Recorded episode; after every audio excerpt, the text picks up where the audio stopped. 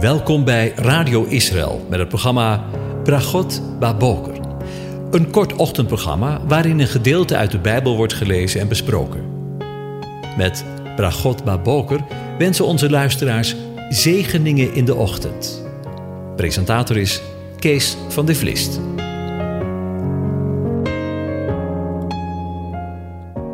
Goedemorgen, luisteraars. We denken vandaag weer verder na over Psalm 118 en daarvan nu de versen 21 tot en met 25. Ik lees ze aan u voor. Ik zal u loven, omdat u mij verhoord hebt en mij tot heil geweest bent. De steen die de bouwers verworpen hadden, is tot een hoeksteen geworden. Dit is door de Heere geschied. Het is wonderlijk in onze ogen. Dit is de dag die de Heere gemaakt heeft. Laten wij op deze dag ons verheugen en verblijd zijn.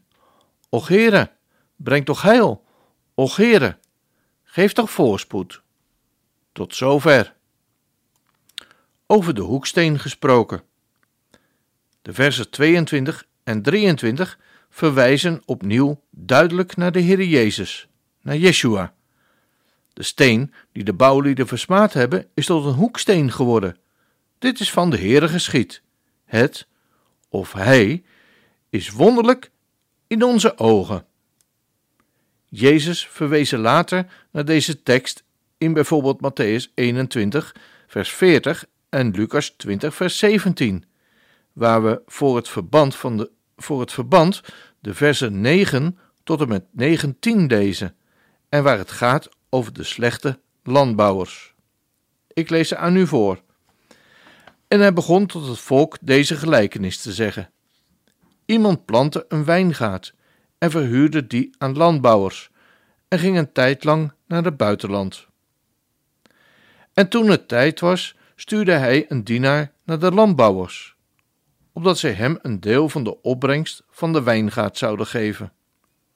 De landbouwers echter sloegen hem en stuurden hem met lege handen weg.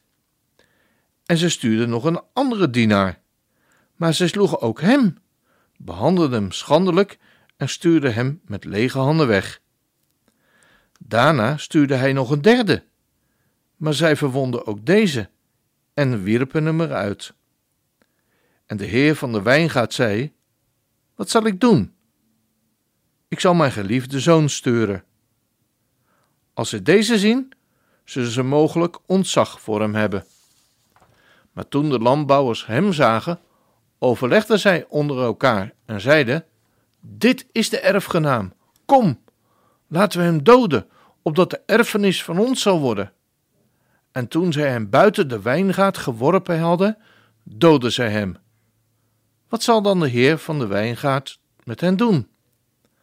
Hij zal komen en die landbouwers ombrengen en zal de wijngaard aan anderen geven. En toen zij dit hoorden, zeiden zij: Dat nooit. Hij keek hen aan en zei: Wat betekent dit? Dat er geschreven staat: De steen die de bouwers verworpen hebben, is tot een hoeksteen geworden. Ieder die op de steen valt, zal verpletterd worden, en op wie hij valt, die zal hij vermorzelen. En de overpriesters en de schriftgeleerden probeerden op datzelfde moment de hand aan hem te slaan. Ze waren echter bevreesd voor het volk want ze begrepen dat deze gelijkenis met het oog op hen gesproken had. In de voorgaande verse is sprake van een verschrikkelijke tragedie. De geestelijke leiders van het volk, notabene de overpriesters en de schriftgeleerden, die minuten daarvoor zo gewaarschuwd waren, probeerden op dat moment de hand aan hem te slaan. Waarom? Omdat, zo zegt de tekst, zij begrepen dat deze gelijkenis met het oog op hen gesproken had. Uiteindelijk zijn deze woorden en is deze gelijkenis in het leven van Jezus ten volle vervuld. De hoeksteen, de steen waarop het hele gebouw, het koninkrijk van God, rustte, werd door de geestelijke leiders verworpen, waarna het hele gebouw ineenstortte.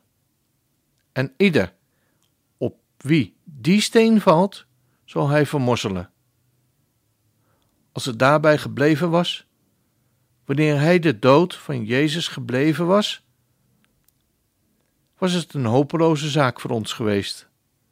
Maar ondanks dat jij en ik hem verworpen hebben, had en heeft hij gedachten van vrede over ons.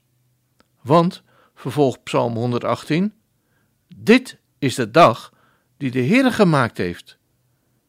Natuurlijk kunnen we hier in principe aan elke dag denken.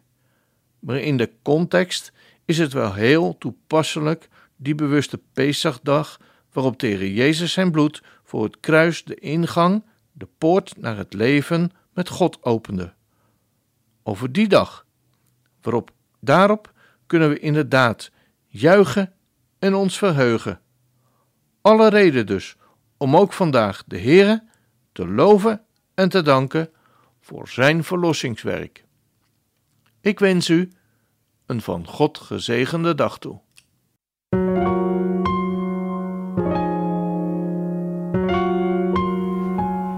U hebt geluisterd naar het programma Bragot Baboker. Een kort ochtendprogramma waarin een gedeelte uit de Bijbel wordt gelezen en besproken. Wilt u het programma nog eens naluisteren, dan kan dat. Ga naar radioisrael.nl en klik onder het kopje radio op Uitzending gemist.